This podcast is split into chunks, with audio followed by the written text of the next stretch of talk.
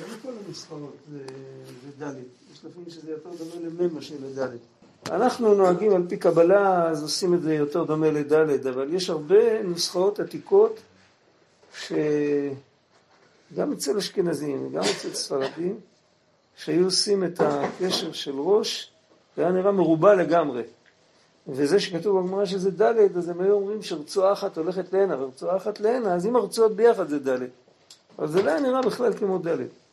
אבל בכל אופן, אז למה הגמרא אומרת, וזה זה גם נכון, הקשר הזה הוא אמיתי, הוא יוצא מדי חובה. למה הגמרא אומרת שזה ד'? אז רבי נתן הביא בהלכ, בהלכות הקודמות, שזה הד' זה הראשי תיבות של המילה דוד. דוד המלך מרומז בקשר של ראש. הקשר של ראש זה, זה מחבר את המוח עם הלב, התפילין של ראש זה כמו המוח, תפילין של יד זה כנגד הלב, מה שמחבר את המוח עם הלב זה, זה, זה הקשר של ראש, שמהקשר של ראש יש את הרצועות שהולכות עד הלב. חוץ מזה שהתפילין של יד הם כנגד הלב. ו, וזה שייך לדוד המלך. זה העבודה של דוד המלך, התהילים וכל זה, זה לחבר את המוח עם הלב. זה נקרא צרור החיים.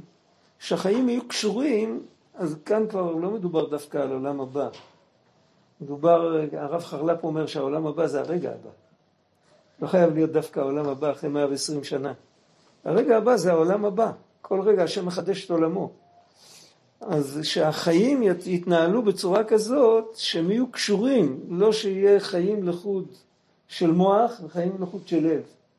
ואם זה לחוד, אז בן אדם יכול לחיות, במוח הוא יכול לחיות חיים טובים, והלב שלו יכול להיות מונח במקומות לא טובים כל כך.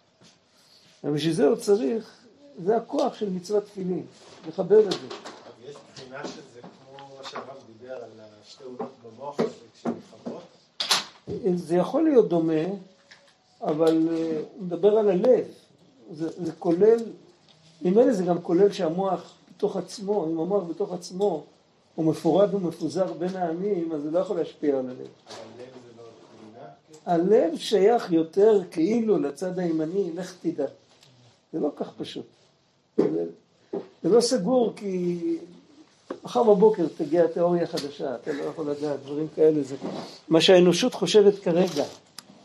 אתה לא יכול לבנות על זה, אבל פה מדובר על, הוא מדבר על משהו, התפילין של יד כתוב מצווה להניחן, להטות אותם ללב, זה כנגד הלב, זה כתוב בתורה, זה לא אמור להשתנות. היינו שהשם יתברך ברחמיו ציוונו להניח תפילין בכל יום שהם התנוצצות המוחין, שהם מבחינת אור הפנים, שהפנימיות מהירה, אז הבן אדם זוכר את השם. אם הפנימיות מסתתרת, אז הוא רואה רק את המציאות של העולם, ואת הקדוש ברוך הוא לא נזכר. הזיכרון יכול להופיע בכל מיני צורות, יכול להופיע זיכרון בצורה שמחה, יכול להופיע זיכרון בצורה של כאב, של כאילו הוא זוכר את השם, אז הוא מתחיל להתנחם על המעשים הלא טובים שלו. אבל תמיד זה מגיע מזיכרון. שכחה גורמת לאדם שישאר במקום, שלא יזוז, שלא ישתנה, שישאר במקום. נשכחתי כמת מלב, סוג של בית קברות מהלך על שתיים, זה השכחה. בן אדם נזכר את הקדוש ברוך הוא, אז הפנים, הפנימיות שלו מתחילה להאיר. אם זה מאיר בשמחה זה בטח טוב, אפילו אם זה מאיר בצורת כאב זה גם כן סימן של חיים. למת לא כואב. כדי להמשיך עלינו על ידי זה קדושת אור פני צדיקים האמיתיים שעל ידי הסתכלותם עיקר התנוצצות המוחין. יש תמיד בני ישראל זה כמו, דיברנו עכשיו על המוח ועל הלב של כל אדם פרטי, אבל יש את המוח ואת הלב של כל, של כל בני ישראל. יש את המוח של כל בני ישראל לדורותיהם, זה כמו משה ואהרון, משם זכה אהרון להדיע חושן הנתון על הלב, כתוב. ומשה רבנו זה ודאי המוח, משה זה בחינת הדעת, כתוב. ויש משה ואהרון בכל דור. יש בחינה כזאת של, שבה, כאילו, יש את המוחין של עם ישראל, ואם פוגשים את המוחין של עם ישראל, פוגשים את הצדיק, אז ממנו אפשר, היות שהוא כבר עשה את העבודה, אצלו כבר הפנימיות מהירה עד הסוף, אז אפשר ממנו לקבל כוח ללכת באותו דרך. כשמתחילים להעיר, המוח מתחיל להעיר, הוא לא מסכים שירמו אותו. יש לפעמים שבן אדם תקוע באיזה מקום, לא שהוא מבין פחות מאחרים, רק נוח לו להמשיך לרמות את עצמו. לא, כאילו, לא, הוא מורח. הצדיק, הסתכלות בפני הצדיק לא נותנת לו. רבנו אומר שבן אדם מסתכל על הצדיק, הוא מרגיש כמו בן אדם שמסתכל בראי. וכשבן אדם מסתכל בראי, הוא לא יכול להגיד שהפנים שלו נקיות, אם הן לא נקיות. עד שזוכים לחיים נצחיים, מה זה חיים נצחיים? שהם ענווה ושפלות אמיתי של משה רבנו שם מבחינת תחיית המתים כנ"ל. זה למדנו שבוע שעבר. אה, כל ישראל יש להם חלק לעולם הבא, אבל יש כאלה שאין להם. אז רבנו אומר שהכוונה היא שכל ישראל יש להם חלק, שהענווה והשפלות של כל יהודי זה מה שיקום לתחיית המתים. ויש בזה ציור קומה של נפש שלמה, של, של ביטול, של ענווה, של התמסרות, זה מה שיקום. וכל החלקים האחרים, איפה שיש את הגאווה וכל זה, זה באמת לא יקום לתחיית המתים. אז כולם יקומו, אבל, אבל יש כאלה שלא יקומו, זה לא סתירה. ככה רבנו אומר בליקוטי מאורן.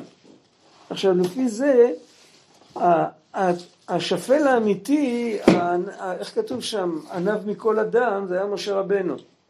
ומשה רבנו הוא הדוגמה איך אפשר להיות חכם אמיתי ולהיות במדרגה הכי גבוהה, וביחד עם זה לא לייחס לעצמו שום דבר. כאילו הקדוש ברוך הוא עשה את זה, זה לא אני.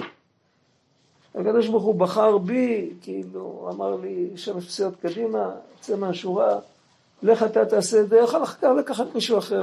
כתוב בספרי מוסר שמשה רבנו הסתכל על היהודים, הוא אמר אם ליהודי אחר היו נותנים את הכוחות שלי, הוא היה מגיע הרבה יותר רחוק, היה מגיע למדרגות הרבה יותר גבוהות. בצורה כזאת הוא יכול להיות ענב מכל אדם. זה כתוב בספרי מוסר, אבל בפשטות, בפשט, אז לא צריך דווקא לחשוב שמישהו אחר היה, היה מגיע יותר. אפילו אם מישהו אחר לא היה מגיע יותר, לחשוב פשוט זה סייעתא דשמיא. עזרו לי, אני לא יכול. עזרו לי.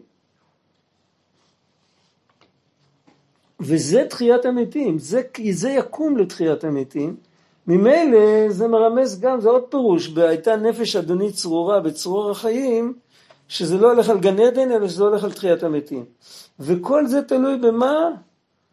שהקשר של ראש של התפילין יהיה באמצע, שלא יהיה ליד האוזן. דברים פשוטים, הלכה פשוטה, שמתי שקושרים אותו, שיזכרו לומר לשם קדושת תפילין. ושהרצועות יהיו מבהמה טהורה ולא... תפסו פעם שעשו יבוא של רצועות כאילו לתפילין וברגע האחרון תפסו את זה. הגיע מרומניה, זה היה רצועות של סוסים. וברגע האחרון מישהו עלה על זה והמון יהודים לא נכשלו בסוף. אבל uh, צריך לבדוק את הדברים האלה, לא צריך לסמוך על כל אחד, לפעמים זה, ש... זה שמוכר לך בעצמו לא יודע. אז, אבל אם זה כשר ואם זה כהלכה, אז נמשך על ידי זה כוח נפלא שבן אדם לא יכול להגיד אחר כך, אה, כאילו, אני לא יכול. הנחת תפילין הבוקר? אתה יכול. אם אתה מרגיש שאתה לא יכול, תבדוק אותה. כן. וכל זה מקבלים על ידי הסתכלות פני צדיקים. אבל לאו כל אדם זוכה לזה. כי לאו כל אדם זוכה לידע היכן משה שרוי, היכן אהרון שרוי. זה פרפרזה על משפט שאמר אותו פרעה, שהיה תכלית האדם שאינו זוכה. הוא חיפש את משה ואת אהרון בשביל להגיד להם קומו צאו מתוך עמי, והוא לא מצא אותם, זה היה חושך, היה לילה. אז הוא התחיל להסתובב ברחובות ולצעוק, איפה אהרון, איפה משה? זה היה בשבילו ביזיון גדול, היה מלך. אנחנו כולנו בבחינה הזאת, אומרים למישהו, לך תסתכל על פנים של צדיק. תן לי, תן, תן לי, תן לי כתובת, מה, מה צריך לכתוב בווייס? מה, אני לא יודע, מה, איך אני אסתכל על פנים של צדיק? גם איך כולם צדיקים, אני אסתכל עליך, בסדר, מה, מה אני יכול לעשות? אז הוא אומר שהרוב אינם יודעים היכן הם הצדיקים האמיתיים הגדולים במעלה הזאת שיכולים על ידי הסתכלותם לבד לזכות את ישראל בכל, ה, בכל הבחינות הנ"ל, עד שיזכה לבחינת תחיית המתים, שהוא חיים נצחיים, שהוא עיקר העושר המקווה, עיקר תכלית האמיתי, עיקר תקוותנו לנצח. ואפילו מי שזוכה לזה להתקרב לזה הצדיק, הוא להסתכל בו, הוא להתעדן באור פניו הקדושים, בוודאי גם הוא אי אפשר שיסתכל בו בכל יום ובכל עת ובכל שעה. יכול להיות שהוא ראה פעם צדיק, וזה כבר עבר מאז 60 שנה. והוא קשה לו להיכנס לזה עוד פעם. הוא, הוא מחפש עכשיו צדיק, ואין לו. על כן השם יתברך ברחמיו חמל עלינו ונתן לנו מצווה הקדושה והנוראה הזאת להניח תפילין בכל יום. תפילין אפשר למצוא, צדיקים יותר קשה למצוא מה שזוג תפילין. וכשרואים צדיק אז זה נותן צביטה בלב, כי אתה רואה בן אדם מסתכל לך בתוך העיניים, אתה יודע שהבן אדם הזה הוא נקי לגמרי, ואתה מסתכל בעיניים שלו, אז כאילו, ה... אני אספר לכם סיפור. היה פעם יהודי, הוא היה שוחט, הוא היה, הוא היה בתל אביב הישנה של אז, כשעוד היה קהילות גדולות יהודיות שם. יהודי שהיה, הוא היה שוחט בלילות, בחצי השני של הלילה הוא היה הולך לשחוט, בבוקר הוא היה הולך להתפלל, ולקח לתפילה כמה שעות טובות. היה יהודי קדוש, יהודי כזה לא פשוט לגמרי.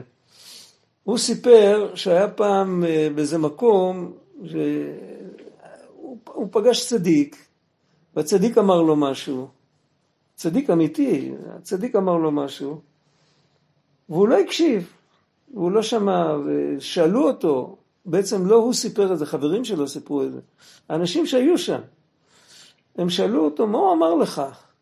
הוא אמר, אני לא הקשבתי, לא יכלתי להקשיב, הייתי מבולבל.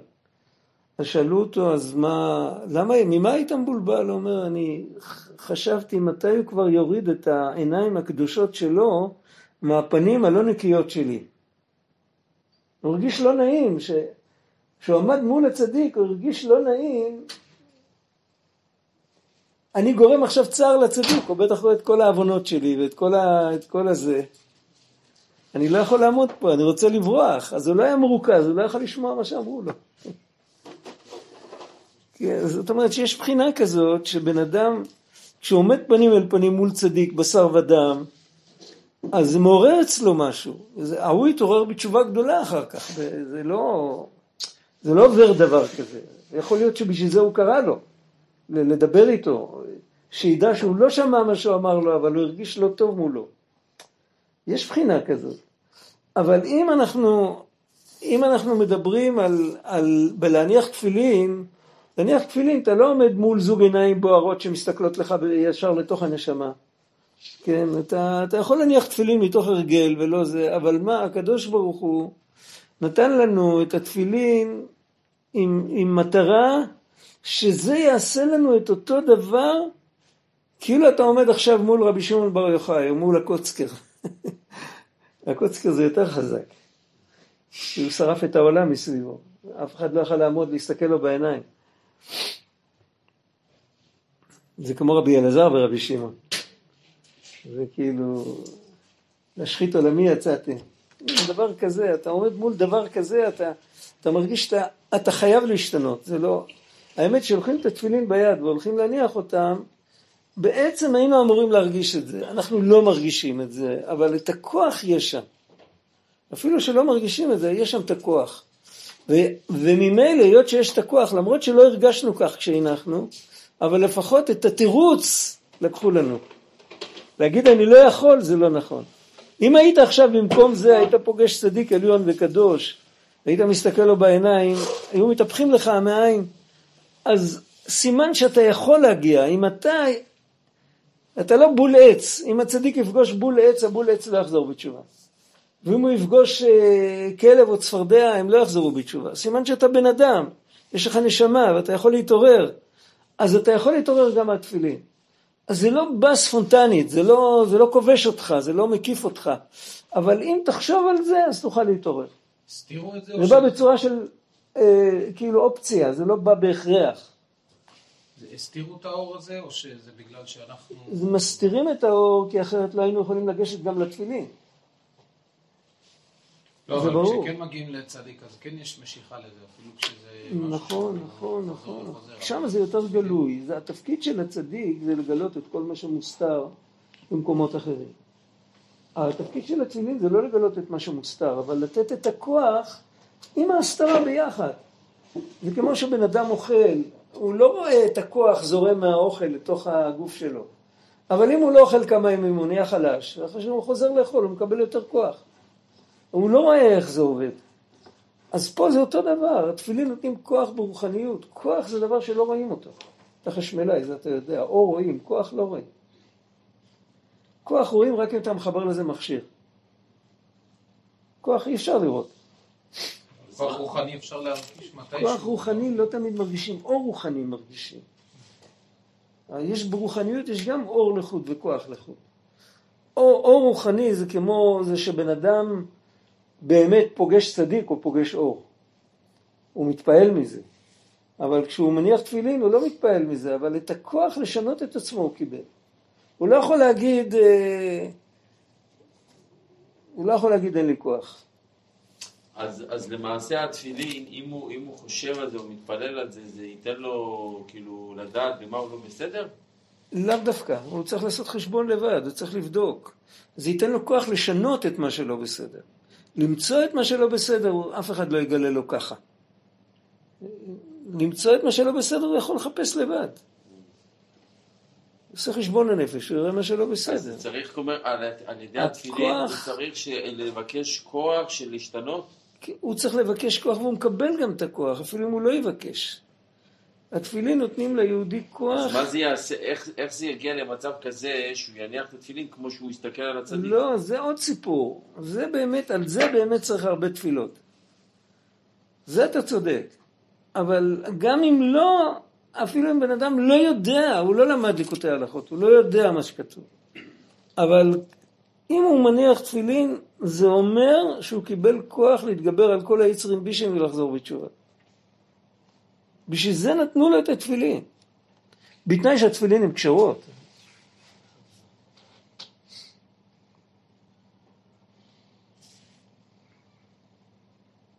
כי התפילין הם קדושים בקדושה גדולה כל כך, עד שעל ידי זה יכול כל אחד מישראל להמשיך על עצמו קדושת התנוצצות המוחין הנמשכים מהסתכלות פני הצדיקים.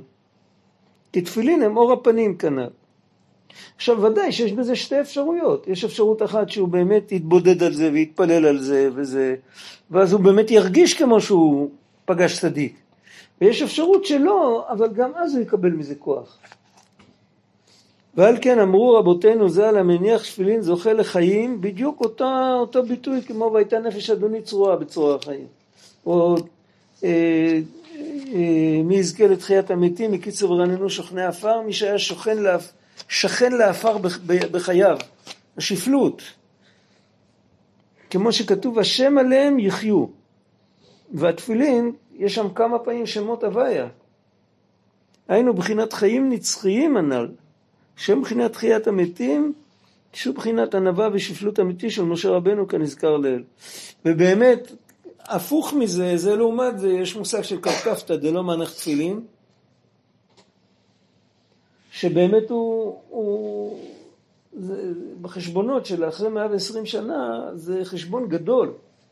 אם בין העבירות שלו יש גם את העבירה שלא מניח תפילין, אז יש לו דין אחר לגמרי. ו...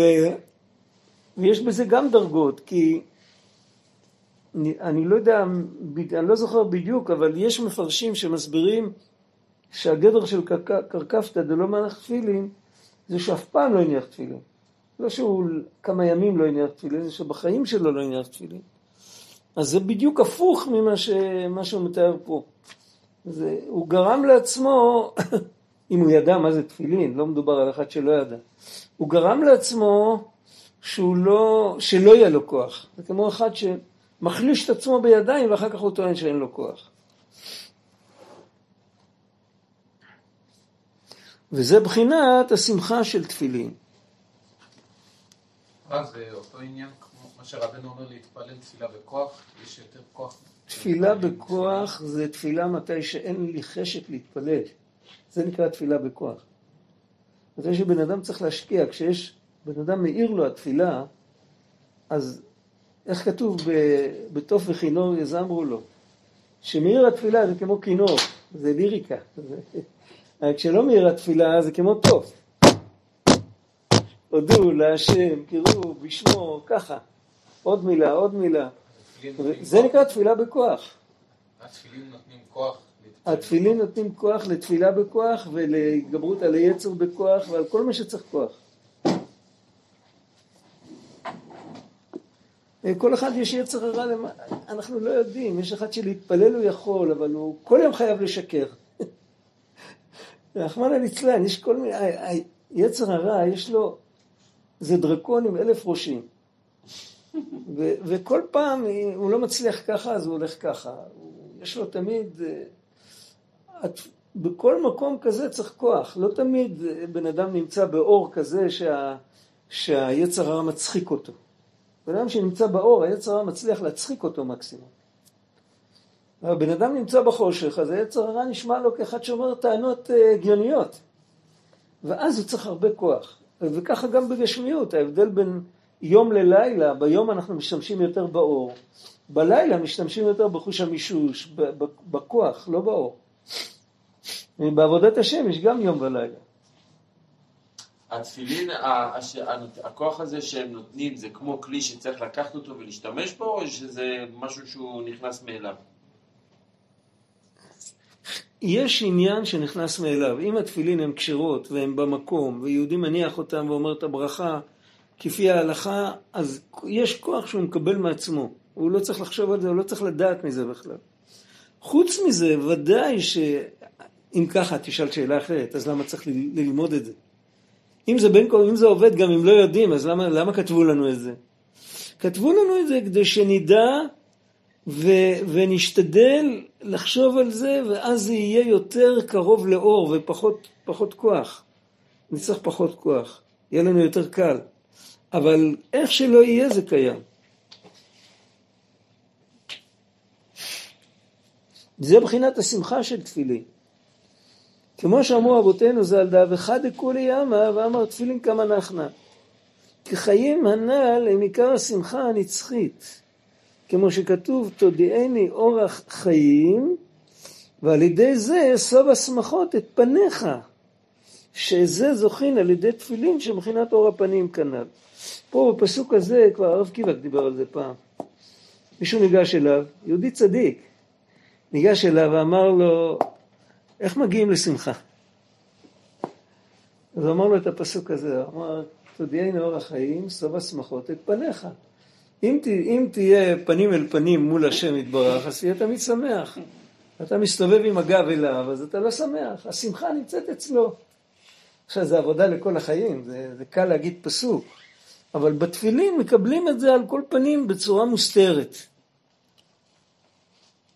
זה מבחינת קשר של יוד, שהזהירו רבותינו, זיכרונם לברכה, מאוד, שלא יתרחק חס ושלום מן התפילין. הוא מביא כאן מקור, הוא כותב זוהר, שער הכוונות ושולחן ערוך. יש בזה כמה מנהגים, יש כאלה שאמרו שרק מתי שזה על היד, ויש כאלה ש... שכל הזמן שזה יהיה נוגע, עושים, ב... עושים חור בקופסה, שהיוד לא יתרחק. אבל על כל פנים, מה העניין בזה? כי יוד הוא בחינת עולם הבא. כמו שאמרו רבותינו ז"ל. רב, רבותינו ז"ל מדברים על י' יחסית לה', אבל י' יחסית לד' וי' יחסית לש' זה גם אותו דבר. כל האותיות מתחילות מנקודה אחת. כשאתה שם את הנוצה על הקלף או את הקולמוס על הקלף, אז אתה, מה שקורה זה נקודה. ומהנקודה מתחיל להיות, מתחיל להיות אות שלמה. והעולם הבא זה הנקודה, העולם הזה זה ה... מה קורה בן אדם כשהוא נפטר מהעולם הזה? איך הוא מרגיש? לא לא? מפסיקים להרגיש. לא, הוא כואב לו. כואב לו כל זמן שעוד מחובר לגוף. איך הוא מרגיש רגע אחרי שיוצא מהגוף? כתוב בליקוטי מרן, כתוב בתורה ס"א בחלק ב', כתוב שבן אדם ברגע שיוצא מהגוף זה אותה חוויה כמו להתעורר מחלום. אז ב- יכול להיות שהחלום לא היה הכי מי יודע מה. בחלום לא היה לך, אני לא יודע, טפטף מהגג, אני יודע, היה כל מיני בלאגנים, היה פה, היה שם, היה, היה קר, היה חם, היה זה, היה, לא היה כסף, כן היה כסף. יש כל מיני דברים שעוברים על בן אדם בחלום, הוא היה בריא, הוא היה חולה, כאב לו, זה... הוא חולם חלום שלם בלילה על כל מיני עניינים טובים ופחות טובים, הוא קם בבוקר, אה, כמה טוב שזה היה חלום. זהו. אז אה, בעצם הנקודה האמיתית זה אחרי שעוברים את העולם הזה, זה למעלה. בעולם הזה יש עבודה לעשות. מה זה עבודה לעשות? עבודה לעשות זה גם, גם בחלום יש את העבודה הזאת. יהודי צריך לשמור את עצמו בקדושה וטהרה גם בחלום. יש דברים שבן אדם לא יחלום אותם. בן אדם נורמלי לא יחלום, הוא יחלום אולי שהורגים אותו, אבל הוא לא יחלום שהוא מתנפל על חבר שלו ורוצח אותו. בן אדם נורמלי לא יחלום חלומות כאלה. אם הוא חולם, אם הוא חולם חלום כזה, אז צריך טוב טוב לעבוד על המידות שלו. זה ברור. אז זאת אומרת שגם שמבחינה תודעתית, אנחנו פה בעולם הזה כמו, ב, כמו בחלום, ואנחנו לא החכמים הכי גדולים בעולם. זה יכול להיות שאחרי כל הסברות הנפלאות שלנו, אחרי, שאני, אחרי 120 שנה, שנהיה למעלה, נצחק על הסברות שלנו, אבל פה יש נקודה קדושה שזה הבחירה, שם אין. והבחירה זה ברמה שלך עכשיו תבחר בטוב, איך שאתה יכול. וזה הנקודה של כל הנקודות, זה הכי גבוה, זה יותר גבוה מהעולם הבא, כתוב יפה שעה אחת בתשובה מעשים טובים בעולם הזה, יותר מכל חיי העולם הבא. אבל זה רק הנקודה של הבחירה, וזה הנקודה של לשמוע בקול השם. איך כתוב שם? לא שמוע מזבח טוב, הקשב מחלב אילים, לציית זה הדבר הכי גבוה שיכול להיות. וזה יש את ההזדמנות רק פה. אבל חוץ מזה, אם, אם לא מסתכלים בדיוק על הנקודה הזאת, אלא מסתכלים על הערך של הדברים כשלעצמם, אז הנקודה היא שם והפריפריה היא פה. פה אנחנו חיים בתוך פריפריה. אנחנו מסתובבים מסביב למשהו שאנחנו בעצם לא מכירים אותו. המשהו האמיתי נמצא מעבר להשגה שלנו. ראיתי שהמלמין כותב בתהילים, הוא כותב באיזה מקום, שכל האיסורים שאנחנו מרגישים זה גם הכל רק חלום ודמיון. כן. שאדם יצא מזה, יעבור את זה. אם הוא, שם הוא מדבר שיכול לעבור את זה גם בחיים, בעולם הזה, נכון? יכול להיות. כנראה.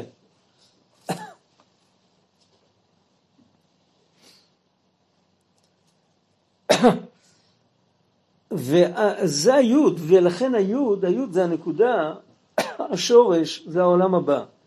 כי הוא מבחינת עולם הבא, כמו שאמרו אבותינו, היינו מבחינת חיים נצחיים של העולם הבא. שהוא ענווה ושפלות אמיתי, שזהו גם כן מבחינת יוד שהיא קטנה שבאותיות. היוד היא קטנה שבאותיות זה מראה על לא, לא לבלוט, לא לתפוס מקום, לא, לא להסתיר את המרחב, לא... היינו מבחינת הענווה האמיתית, וזה שאמרו רז"ל שהעולם הבא נברא ביוד, על שם שהצדיקים שיהיו אז הם מועטים. ולכאורה תמוה, הלא כל ישראל יהיו שם. כמו שאמרו רבותינו ז"ל, כל ישראל יש להם חלק לעולם הבא, שנאמר ועמך כולם צדיקים לעולם ירשו ארץ. למה? וכולם יהיו צדיקים, וכולם יקומו לתחייה. אז למה אומרים שהם יהיו מועטים? הם יהיו רבים ככל אשר על שפת הים. יהיו, כל הדורות יקו, יהיו ביחד, סימולטנית. אז יהיה המון המון בני אדם. אך מה שאמרו אבותינו ז"ל שהצדיקים שיהיו שם הם מועטים ובחינת מה שאמרו אבותינו ז"ל על פסוק כי אתם המעט מכל העמים ופירוש רש"י על ענווה ושפלות. אתם ממעיטים את עצמכם. לא מרובכם חשק השם בכם ויבחר בכם כי אתם המעט מכל העמים. אז רש"י אומר בפשט זה הולך כי מאהבת השם אתכם ישמרו על השבועה שנשבע לאבותיכם אבל בפשט רש"י אומר שכבר בפסוק הזה כתוב למה השם בחר בנו, כי אנחנו לא מתנפחים יותר מדי, אלא אנחנו מחזיקים את עצמנו קטנים.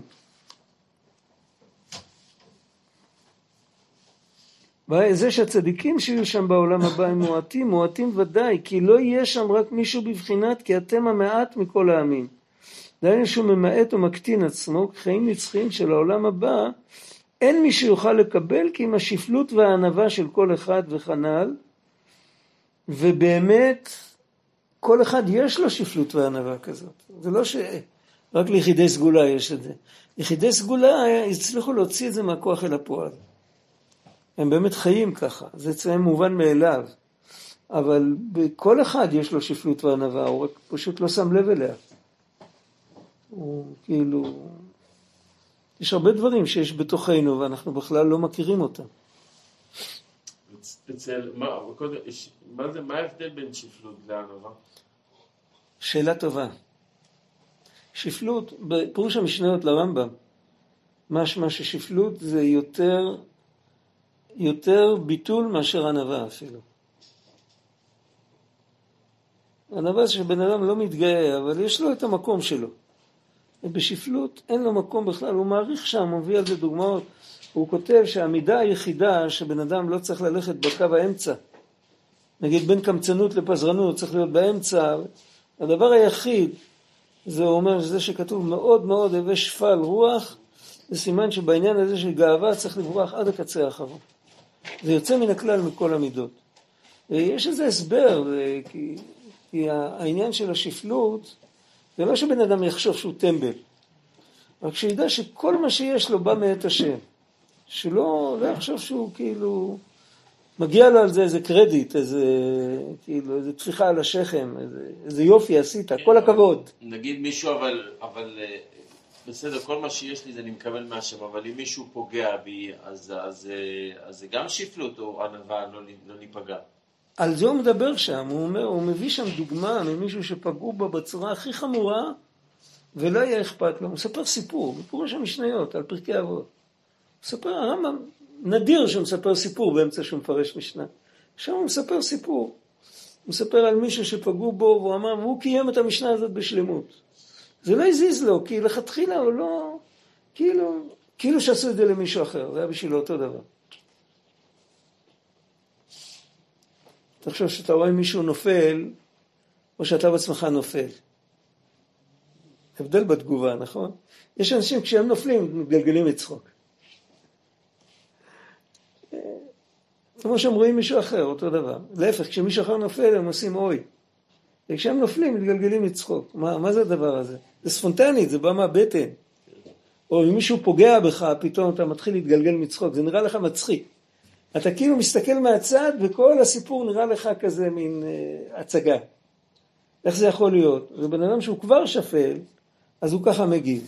מי שעדיין לא שפל, לכל הפחות שלא יענה, ישמע ביזיונו וידום וישתוק. זה, זה תיקון לכל ה... עיקר התשובה רבנו אומר. כי בתשובה, לפני התשובה הוא עומד עם הגב לקדוש ברוך הוא. עכשיו אם, אם הוא באמת עם הפנים לקדוש ברוך הוא, אז לא מעניין אותו מה שבני אדם אומרים עליו.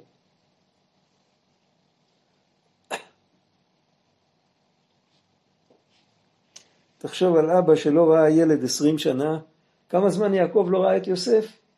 22. מה? 17? 22.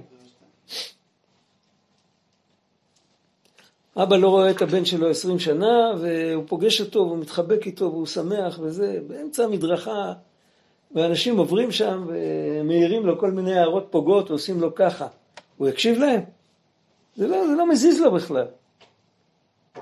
זה כשעומדים פנים אל פנים מול משהו אמיתי, אז זה, זה לא עבודה. הבעיה שאנחנו לא כל הזמן פנים בפנים. ואז זה עבודה, אבל יש בתוך הנשמה, יש מקום כזה שהוא לא מתפעל משום דבר. זהו שהפליגו רבותינו ז"ל בעונש מי שאינו מניח תפילין, וקראו אותו פושעי ישראל בגופו, שהוא קרקפתא דלא מנח תפילין, שהוא נידון במיתה עולמית, היינו כנ"ל, כי אי אפשר לזכות לחיי העולם הבא, שהם חיי, לחיי העולם, שהם חיי העולם הבא, כי אם על ידי תפילין כנזכר לאל. עכשיו מה הקדוש ברוך הוא לא יידח ממנו נידח, אז בדרך כלל אחד כזה יורד בגלגול עוד פעם. נותנים לו עוד פעם הזדמנות, ולפעמים כמה פעמים הזדמנות. ולפעמים בא צדיק ומתקן אותו. יש סיפור על הבעל שם טוב שהוא תיקן פעם נשמה שהייתה מגולגלת בצפרדע, זה כתוב בשבחי הבעל שם טוב, רבן אמר זה ספר אמיתי. הוא היה מזלזל בנטילת ידיים נדמה לי. אז אה, אה, גלגלו אותו בתוך בעלי חיים הוא שיהיה, שיהיה כל הזמן במקום שאנשים לא מסתובבים ושאף צדיק לא, לא יפגוש אותו. ואז לא יהיה לו תיקון, זה היה חלק מהעונש שלו, הבעל שם טוב פגש אותו, הבעל שם טוב הלך שם, נדד במקום כזה ופגש אותו ונתן לו תיקון, הוא היה מגולגל בצפרדע בגלל שהוא זלזל בנטילת ידיים, אז גלגלו אותו במשהו שחי בתוך המים. ואז הוא נתן לו תיקון והצפרדע מתה. ככה סיפר מישהו שהיה עם הבעל שם טוב בדרך. על כל פנים, אז רואים שאפילו אם נגזר מה שנגזר, אז תמיד מי גלגל את הבעל שם טוב למקום הזה שיפגוש את היצור הזה? זה הכל מלמעלה. לא ידח ממנו נידח. ועל כן שבת לאו זמן תפילין. כי שבת הוא בעצמו בחינת חיי העולם הבא, בחינת חיים נצחיים הנ"ל, בחינת תואמי החיים זכו, כמו שכתוב בתורה הנ"ל בתחילתה. על כן בוודאי הם צריכים אז תפילין להכניע סיטרא דמוטה, להמשיך חיים נצחיים. כי קדושת שבת בעצמו בחינת חיים נצחיים, כנזכר לעיל. וכן ביום טוב וחול המועד אסור להניח תפילין, כי הם בעצמם אות, כמו שאמרו רבותינו ז"ל, כי הם כולם מקבלים קדושת שבת קודש, שהוא תחילה למקראי קודש, שכל הימים טובים מקראי קודש מקבלים קדושתם משבת, על כן אין שייך בהם הנחת תפילין. רואים בשבת שהבן אדם אה, פחות עסוק עם כוחי ועוצם ידי. יש לו פחות הזדמנויות להתגאות. אלא אם כן הוא דרשן או משהו כזה. אבל בפשטות, כל מעשה בני אדם זה ביום חול, שם הוא יכול להתגאות. הוא יכול להתגאות בשבת עם דבר שעשה אתמול, זה יכול להיות. אבל כאילו נותנים רמז לבן אדם, בשבת אה, אתה לא בעל הבית. בשבת כל מה שכאילו, אתה לא יכול להוריד אה, תפוז מהעץ, כי, זה לא, כי שום דבר לא שלך בשבת.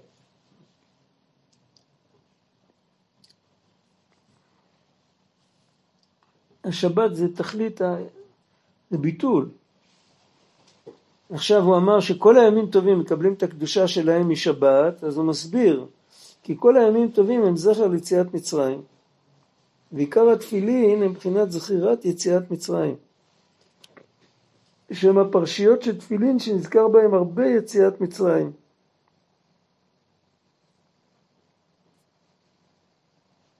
כי עיקר התפילין הם לזכות לחיים נצחיים, חיי העולם הבא כנ"ל, שהוא מבחינת נחלת בלי מצרים, בלי גבול, כמובן שם בתורה הנ"ל בתחילתה, עיין שם, וזה עיקר בחינת יציאת מצרים, שאז זכינו לקבל את התורה, שעל ידי זה נזכה לחיי העולם הבא, לבחינת נחלה בלי מצרים, בלי גבול, הפך בחינת מצרים שנקרא על שם זה מצרים, לשון מצרים וגבול, כי כל מקום הרחוק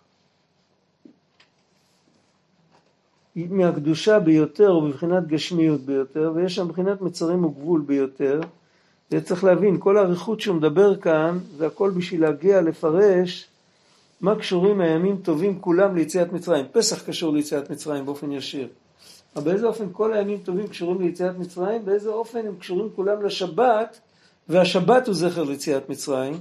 אז הוא מתחיל להסביר את זה, אז קודם כל הוא מסדר לנו את כל ההשתלשלות, כאילו מצרים זה הקצה הנמוך, אפשר להגיד, אה, אנחנו אומרים, אה, אמת ממצרים גלתנו השם אלוקינו מבית עבדים פדיתנו, אז אה, בכל אופן, בית עבדים זה ביטוי הרבה יותר נמוך מאשר מצרים. במצרים, אה, היינו עבדים במצרים, אבל זה לא אומר שכל פעם שמישהו במצרים אז הוא עבד. מצרים זה שם של מדינה.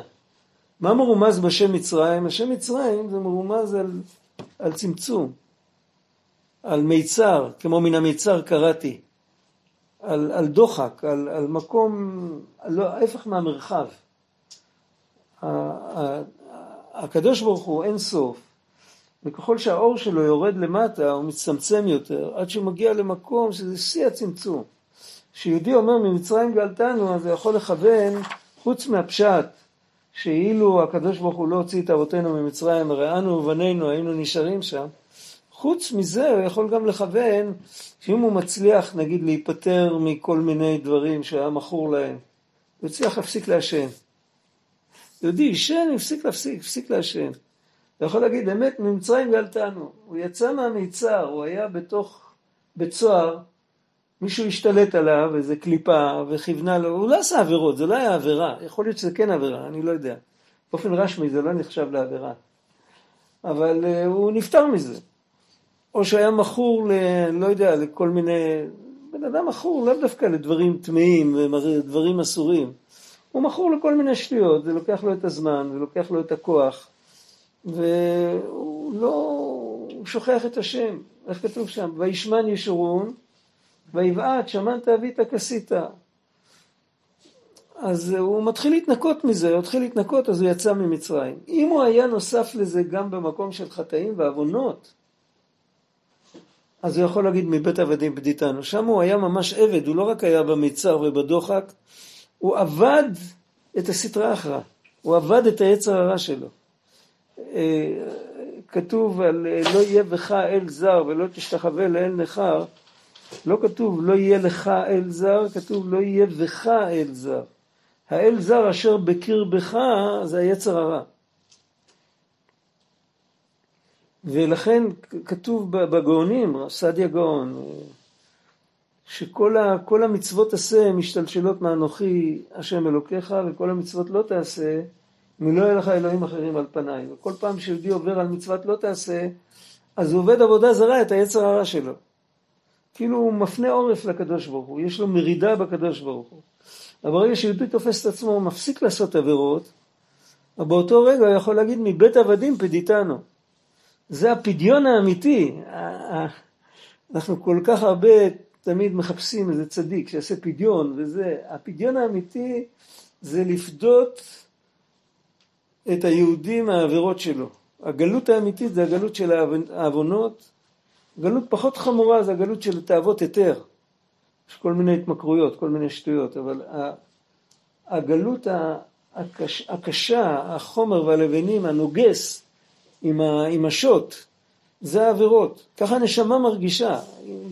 אם יראיינו את הנשמה, מה היא מרגישה מתי שהיהודי חוטא, היא תגיד, אל תזכיר לי את זה, וואי, ייסורי תופת. היא עכשיו בגיהינום, ואת הגיהינום אנחנו יוצרים. גם מידות רעות זה ככה? אם הוא, מש, אם הוא מבצע משהו תוך כדי, זה שיש לו כעס בלב והוא לא מדבר, אז זה לא, אז זה עדיין הוא צריך לעבוד על זה, אבל אם הוא נוקם ונותר, אז אותו דבר. אז זה, וזה זה איפה שרחוק יותר מהקדושה, זה יותר מצרים, יותר גבול, יותר... ויציאת מצרים ולקבל את התורה זה ללכת מהכי נמוך שיכול להיות, ולקבל את התורה זה לקבל משהו שהוא יותר גבוה מכל העולמות. הם היו צריכים להספיק לעשות את זה בחמישים יום. זה לא היה פשוט כל כך, בשביל זה הם לא, הם, לא, הם לא עשו את זה הכי נכון. לכן הם נפלו אחר כך בהגה. אבל על כל פנים, כל פעם שיהודי, נגיד, בא לו לעשות שטויות, או בא לו לעשות עבירות, והוא אומר, בוא, במקום זה נקרא פרק תהילים, או במקום זה נפתח גמרא, אז הוא יוצא מתחת השוט של הנוגס, והוא עומד בהר סיני ומקבל את התורה. לא בחמישים יום, בשנייה. אם בן אדם דואג לנשמה שלו, הוא יודע שהוא יהודי ויש לו נשמה, אז. כמו, ש... כמו שבן דואג ל... לאימא, או, או כמו שסבא דואג לנכד, או אם בן אדם ידאג לנשמה שלו, אותו דבר, כמו שחבר דואג לחבר. אם בן אדם ידאג לנשמה שלו באותה מידה, אז הוא ידע בדיוק במה לבחור. ברגע שלהפך, כשהיצר מתגבר עליו, על זה אמרו חז"ל, משכהו לבית המדרש. למד מה, מה יש לך מה לעשות במצרים, הדרך פתוחה למתן תורה. אין לך, דיברנו על זה פעם, אפשר לברוח לאוהל של יעקב, לאוהל של רחל, למדנו על זה פעם. יש כל מיני, רבי נתן מדבר על זה, יש כל מיני בחינות איך להסתלק מהרע. ויש אפשר ללכת לאוהל של משה, כן, למתן תורה.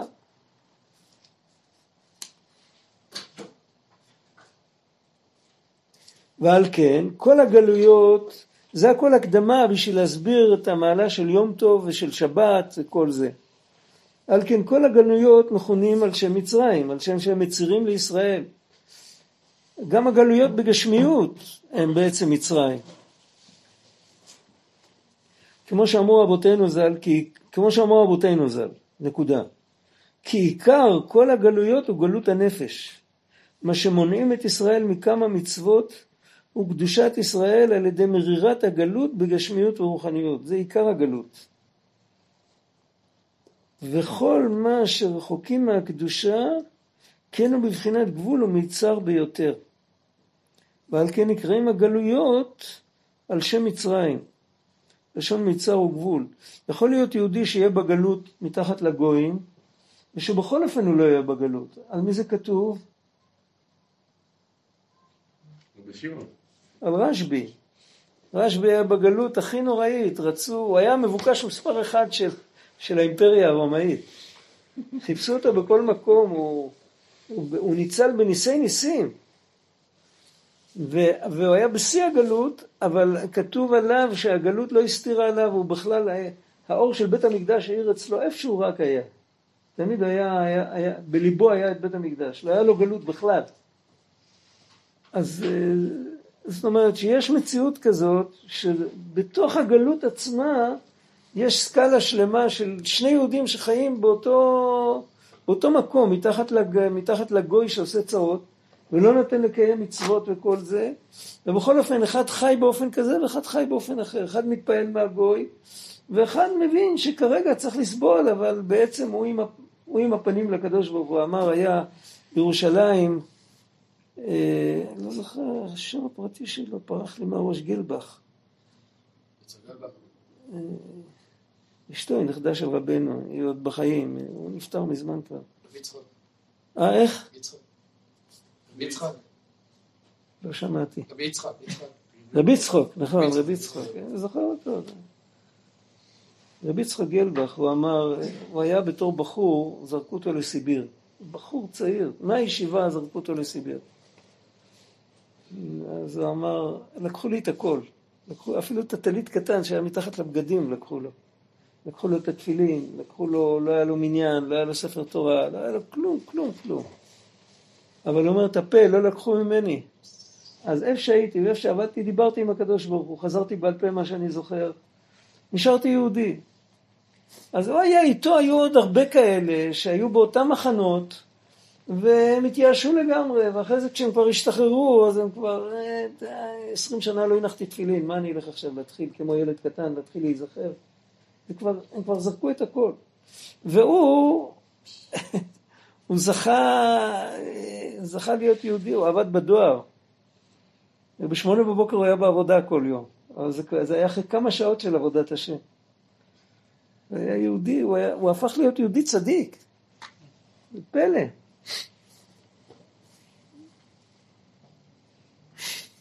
אז אנחנו רואים שזה הכל, איך הוא כותב את זה?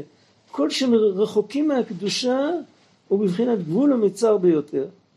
ועל כן נקראים הגלויות על שם מצרים. לשון מצר וגבול כי הם נצירים לישראל לכובשם חסי שלום. הוא לא כותב שהם כובשים את הישראל, הם מנסים. המטרה שלהם, לא צריך לתת להם. בבחינת מצר וגבול, הפך נחלה בלי מצרים, זה הפוך משבת. פה הוא מרמז את הקשר לשבת. שבת נקרא נחלה בלי מצרים. היה שיר ביידיש ששרו שבשבת כל יהודי הוא מלך. היה שיר כזה, שיר עם פשוט. זה בחינת כל רודפי סגוע בין המצרים, וכנזכר לעיל. אבל על ידי מצוות תפילין, אנו ממשיכים על עצמנו מבחינת קדושת יציאת מצרים, שהוא מבחינת קדושת הגאולה העתידה, בוודאי שזה לא, אין לנו את האור של הגאולה העתידה, אבל את הכוח אנחנו מקבלים מהתפילין. שיגלנו השם יתברך מכל הגלויות, כמו שכתוב, כי אימץ אתך מארץ מצרים מראינו נפלאות, כי אנו ממשיכים עלינו על ידי התפילין קדושת אור פני הצדיקים האמיתיים, זה זוכים לנחלה בלי מצרים, שזהו בחינת יציאת מצרים שנזכר בתפילין וכנ"ל. ועל כן, בכל הימים טובים, שהם בעצמם זכר ליציאת מצרים, שבועות זה, זה היציאה האמיתית ממצרים, כמו שאמרנו קודם. לצאת מה... משם ולהגיע להפוך, למתן תורה, לצאת מהמקום הכי נמוך, להגיע למקום שמשם לא חוזרים יותר למצרים. למרות שעדיין היצר הרע אמר להם, ניתנה ראש ונשוב במצרימה. אבל הם, אף אחד לא חזר למצרים. אלה שלא היו כמו שצריך, הם לא זכו להיכנס לארץ, אבל הם לא חזרו למצרים. זאת אומרת, למה, למה, נזכ... למה חשוב יותר זה דווקא ההתחלה, היציאה, ולא מתן תורה בסוף? זה, אתה יודע מה שכתוב, אני לא זוכר מי אומר את זה, שכמו שיש אה, יום טוב ראשון ויום טוב אחרון ובאמצע חול המועד, אז שבועות זה יום טוב אחרון של פסח, כל הפסח זה יום טוב ראשון וכל ספירת העומר זה כמו חול המועד. רמב"ן? יש רמב"ן כזה? אתה רואה, לא... לא זכרתי. אבל זה עונה על השאלה שלך. שמה, שבעצם אחד? תמיד בחג, בכל חג, השמחה הכי גדולה היא ב, ביום האחרון של החג. אז רואים את זה. שמחת תורה. לא. ובשבועות זה השמחה של יציאת מצרים, השמחה הכי גדולה. כי בשבועות יצאנו ממצרים, הפסיעה האחרונה של יציאת מצרים הייתה החניה ליד הר סיני. זה היציאה האמיתית ממצרים. אז- אז- אז כל הזמן נגיד זכר למתן תורה, זכר למתן... למה כל הזמן זכר ליציאת מצרים? כי את מתן תורה לא למתן תורה לא עושים זכר. מתן תורה מתייחסים כמו לפעולה נמשכת, נותן התורה לשון הווה. זה לא מספיק, זכר לא ממצה את ההווה של מתן תורה. יגידו זכר למתן תורה, אז יבינו שגם אפשר לשכוח. אם צריך לזכור, זה כבר...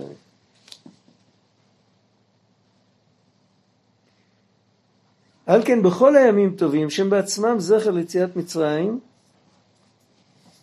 גם סוכות כתוב כי בסוכות הושבתי את בני ישראל לארץ מצרים, סוכות זה חג האסיף, שכל זה, יש עוד נקודה שהיא הגמר של יציאת מצרים, ומתי שבני ישראל נכנסו לארץ.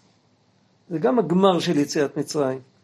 וזה, בחגים רואים את זה הכי הרבה בסוכות, שאוספים את התבואה. אז כל הימים טובים שהם בעצמם זכר ליציאת מצרים, בוודאי היה להניח בהם תפילין. כי זוכים לבחינת יציאת מצרים, שהוא בחינת נחלה בלי מצרים, שהוא חיים נצחיים של העולם הבא. זה יציאת מצרים האמיתית, זה לא לצאת ממצרים ולהישאר, להתיישב שם על אבן ליד, ה, ליד הגבול. לצאת ממצרים זה לשכוח את מצרים. זוכים לזה על ידי קדושת הימים טובים בעצמם, שהם עצמם אות, אז אין צורך בתפילין, כי הם בעצמם מבחינת יציאת מצרים וכנ"ל. על כן הוא איסור להניח בהם תפילין, ועל כן איתה בזוהר הקדוש שחייב מטעם להניח בהם תפילין. כי עיקר התפילה, התפילין הוא להכניע סיטרא דמותא ששולט בימי החול, שעל ידי זה אין מרגישין השפלות והענווה של משה רבנו שבכל עבר, שהוא בבחינת מיתה אצלו. מחמת שאז יש אחיזה לסיטרא דמותא שהמשיך אדם הראשון על ידי אכילת עץ הדעת טוב ורע. זה ארוך, צריך לקרוא את זה עוד פעם. בואו נשאיר, נשאיר את זה פה. זה אי אפשר עכשיו להתחיל, זה, זה כל כך מורכב. נדבר פה, כל שורה פה זה עניין שלם. נשאיר את זה פה, על כן איתה בזוהר הקדוש, חייב מטעם מניח בהם תפילין. נראה את זה פעם אחרת כבר.